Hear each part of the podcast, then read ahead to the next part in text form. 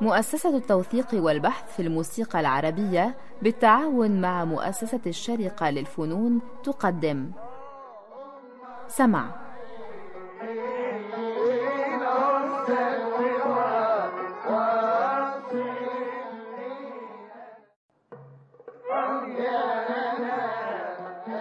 سمع. برنامج يتناول ما لدينا من إرث موسيقي بالمقارنة والتحليل. فكرة مصطفى سعيد.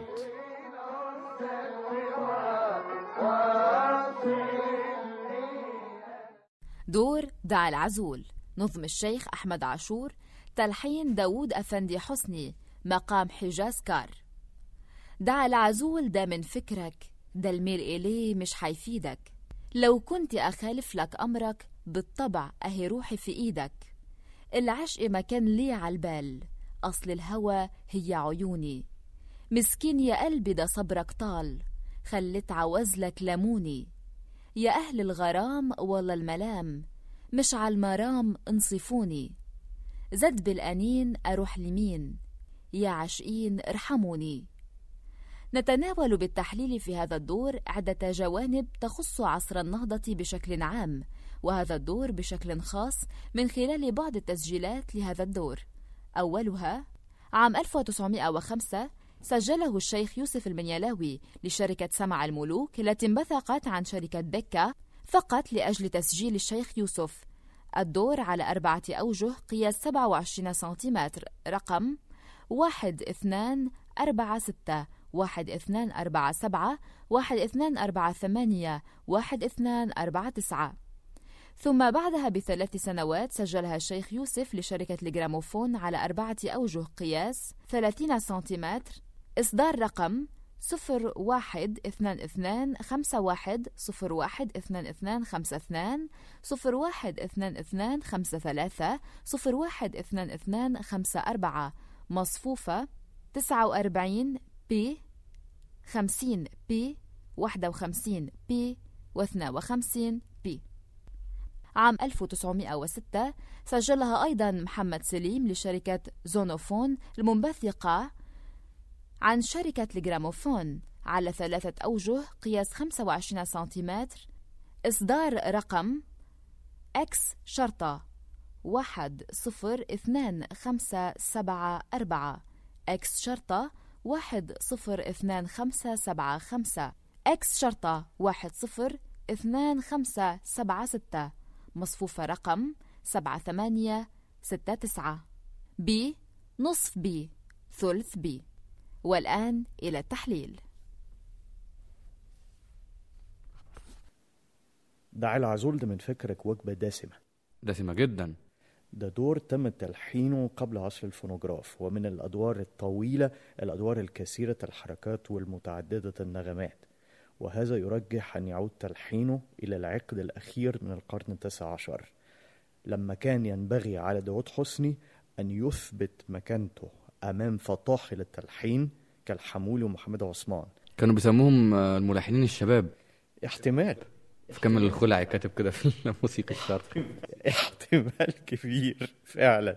كان لابد لداود حسني أن يقدم لمحبي الغناء الراقي دور من مقام الحجزكار يضاهي أعمالهم. من مقام الحجزكار كيا من توحشني أو الله يصون دولة حسنك. وهي أعمال كمان يعني كالوجبة الدسمة يعني. ويخرج المستمع بعد الاستماع لهذا الدور فعلا راضيا مرضيا ولا يحتاج للمزيد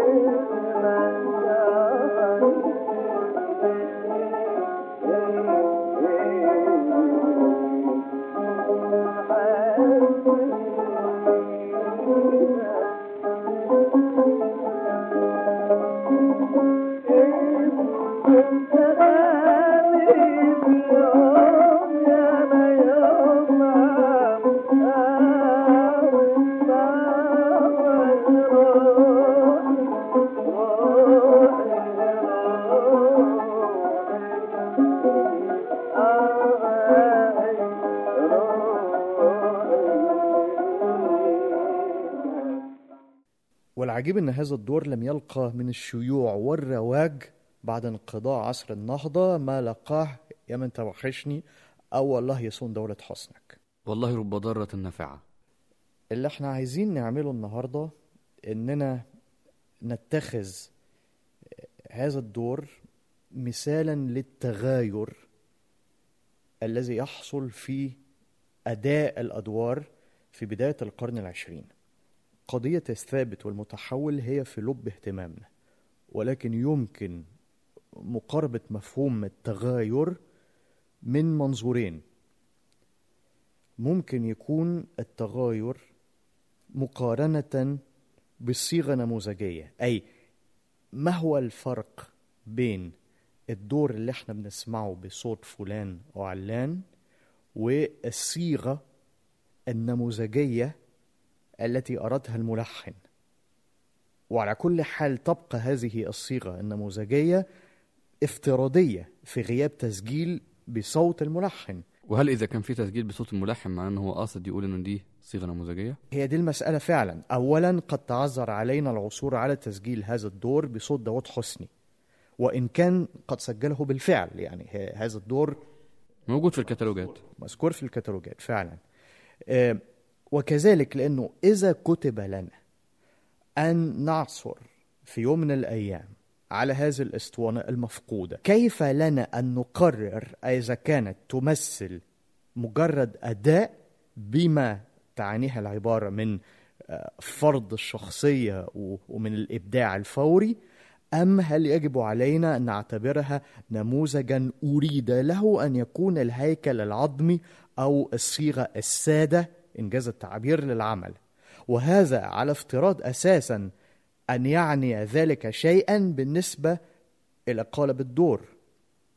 فعلى كل حال التوصل إلى الصيغة النموذجية المجردة للدور لا يمكن الوصول إليها إلا استنادا إلى معايير داخلية وخارجية. ما أقصده بالمعايير الداخلية هو المقارنة بين تسجيلات مختلفة للقطعة الواحدة بأصوات مطربين مختلفين وبمصاحبة تخوت مختلفة وهذا من أجل تمييز العناصر الثابتة زي أوتاد الدور في المذهب والجملة الأولى للدور وفي الوحدات المتتابعة أو الجمل العبارات اللحنية الإلزامية فيه. أما المعايير الخارجية أقصد بها سمعة المؤدي حسب مصادر المعاصرين. آه، كمثلا سيد الصفتي الذي كان يسمى المطرب الأمين. آه، وطبعا مسألة الأمانة مقابل إرادة الملحن هذه الإرادة المفترضة آه، هي معضلة صعبة.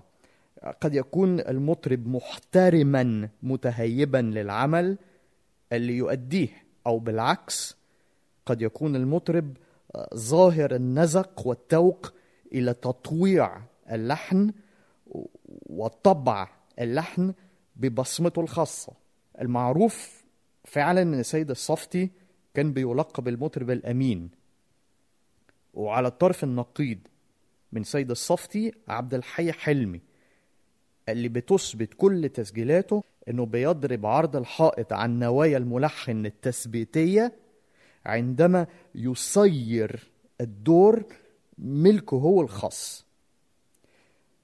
وإيه مفهوم الأمانة أساسا في فن الطرب؟ عندما تكون القدرة على الإبداع القدرة على الارتجال هي المعيار للعبقرية بالنسبة للجمهور. وعندما يترقب هذا الجمهور اتقاد شرارة النبوغ عند أداء القطعة اللي بيحبها واللي بيعرفها. فاذا قد تكمن الأمانة فقط في ما نستطيع أن نسميه إيفاء حق الملحن من حيث احترام ما زرعه في عمله من ثوابت. وهذا لا يمنع بل يتطلب تطوير هذه الثوابت والزيادة عليها. هذا من جهة. من جهة تانية التغاير لابد أيضا من دراسته بين تسجيلين مختلفين للعمل الواحد بصوت نفس المؤدي. وهذا لا يتأتى إلا عندما يكون هذا المؤدي قد سجل الدور أكثر من مرة عند شركات مختلفة أو في نفس الشركة بس طبعا بعدها بخمس سنين أو بعشر سنين. دي حصلت كذا مرة آه، يبدو لي مع السيد الصفتي. هو السيد الصفتي سجل مثلا عند أوديون آه، في بداية القرن العشرين ثم في العشرينات. وحتى أحيانا بيكون عندنا اسطوانه بروفا واسطوانه اتنشرت لنفس الدور. تماما. وهذا يمكننا فعلا من المقارنة ومن البحث عن الثوابت في أداء المطرب الواحد. ما هو مدى التغاير بالنسبة للمؤدي الواحد؟ هذا من جهة. ومن جهة أخرى ما هو مدى التغاير بين أداء هذا المطرب وذاك؟ طيب وكيفية حفظ الدور؟ يعني هم إزاي حفظوا الدور؟ هل كانوا بيحفظوه نتيجة للتعاطي الشخصي مع الملحن ولا لتكرار سماعه من غيرهم. أظن الاتنين. ده ده على حسب الدور كان بيلحنوا مين لمين. آه الغالب يعني ال- المطرب الناشئ كان بيحفظ الدور وهو أساسا مذهب جفتخت مم. ومن كتر التكرار بيحفظ الدور وعندما يصبح هو مطرب يبدأ يفرض شخصيته وبصمته الخاصة على الدور. عندما يحق له أن يفعل هذا. ولكن المطرب المحترف. كيف يعني؟ يعني يوسف المنيلاوي مثلا حفظت إزاي ده العزول؟ آه يعني اللي مثلا انتقل من من الإنشاد لعالم الطرب مباشرة يعني اللي عمره ما كان مذهبجي اللي هو فعلا أصب... كان يعني من المنشدين الكبار ثم أصبح مطرب. هم غالبا سمع الدور من من عبد الحمولي مباشرة. يعني كانوا عارفين بعض. إحنا عارفين إنهم سافروا لأستانا ها- أكتر من مرة. و لا أكيد كان يعني كان في اتصال مباشر ما بين ال- المطرب والملحن.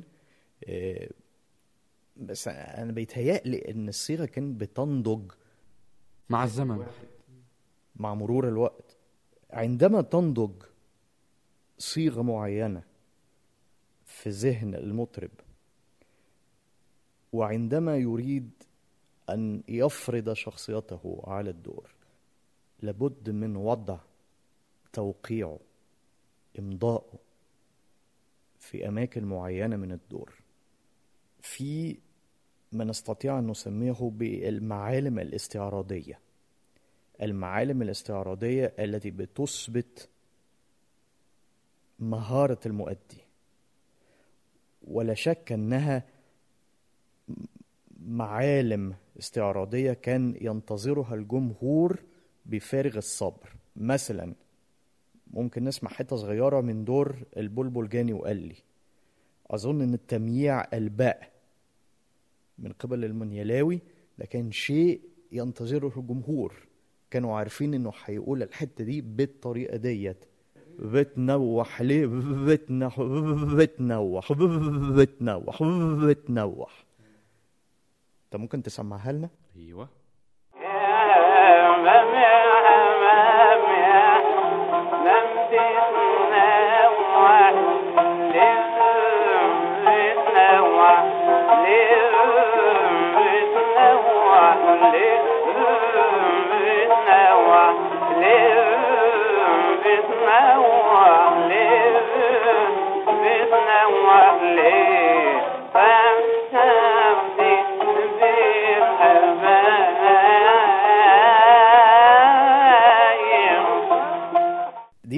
المعالم الاستعراضية وكمان مثلا الليالي الراقصة السريعة في آخر كدن الهوى أو حتى في القرن العشرين آه، نزلة الرست البهلوانية السريعة والدقيقة لما بتقول أم كلثوم وقلبي من لقاك فرحان في أغنية دليل أحتار في كلمة فرحان.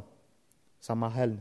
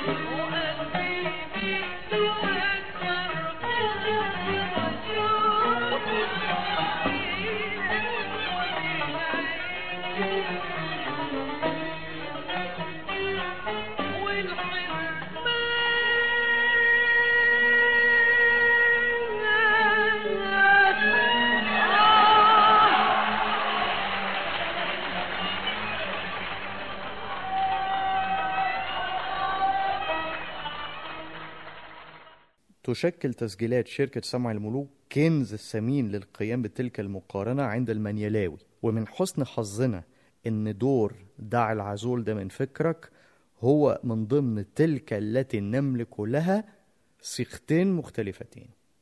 تسجيل سمع الملوك العائد إلى سنة 1905 مدته تقريبا 13 دقيقة.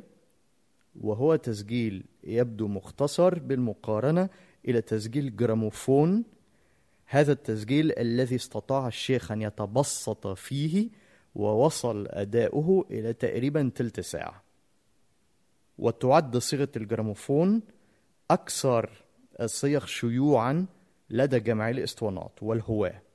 نعود إلى موضوع المعالم الاستعراضية في الدور. سنبدأ بالمطرب محمد سليم. محمد سليم ليس من مطربين الصف الأول. آه، وهو مطرب آه، ماهر آه، صوته جميل أداؤه تمام ولكن ليس من المشايخ الكبار اللي منتظر منهم إنهم آه، يطبعوا بصمتهم قوي على الدور. فممكن نعتبر محمد سليم كنقطة انطلاق. طبعا في غياب تسجيل بصوت داود حسني إحنا ممكن آه، نعتبر هذا التسجيل كصورة بتعكس بطريقة أو بأخرى إرادة الملحن. خصوصا إن هو حتى كل يعني سواء الدور ده أو غير الأدوار بيغنيهم بشكل ميري قوي. آه، أنت كده قاسي جدا يعني. يعني أقصد ميري بمعنى إنه مش زي المنيلاوي مش زي حلمي مش زي يعني أكيد يعني أكيد يعني عشان كده مش مش هو مش عبقري هو مش عبقري ولكن هو فعلا المحترف. لا شك. المحترف جدا. طيب معلش قبل بقى تحليل الدور خلينا نختم حلقة النهاردة يا سيدنا بتسجيل محمد سليم عشان الناس تبقى عندها فكرة كاملة عن الدور بعد ما اتكلمنا عن كل ال- ال- الخلفية الاجتماعية والتاريخية عن الدور. خلينا نختم الحلقة بتسجيل محمد سليم وإلى أن نلتقي في حلقة جديدة. نترككم في الأمان والشكر الجزيل. لعمنا وعم عيالنا الأستاذ الدكتور فريدريكا فندي لاجرانج.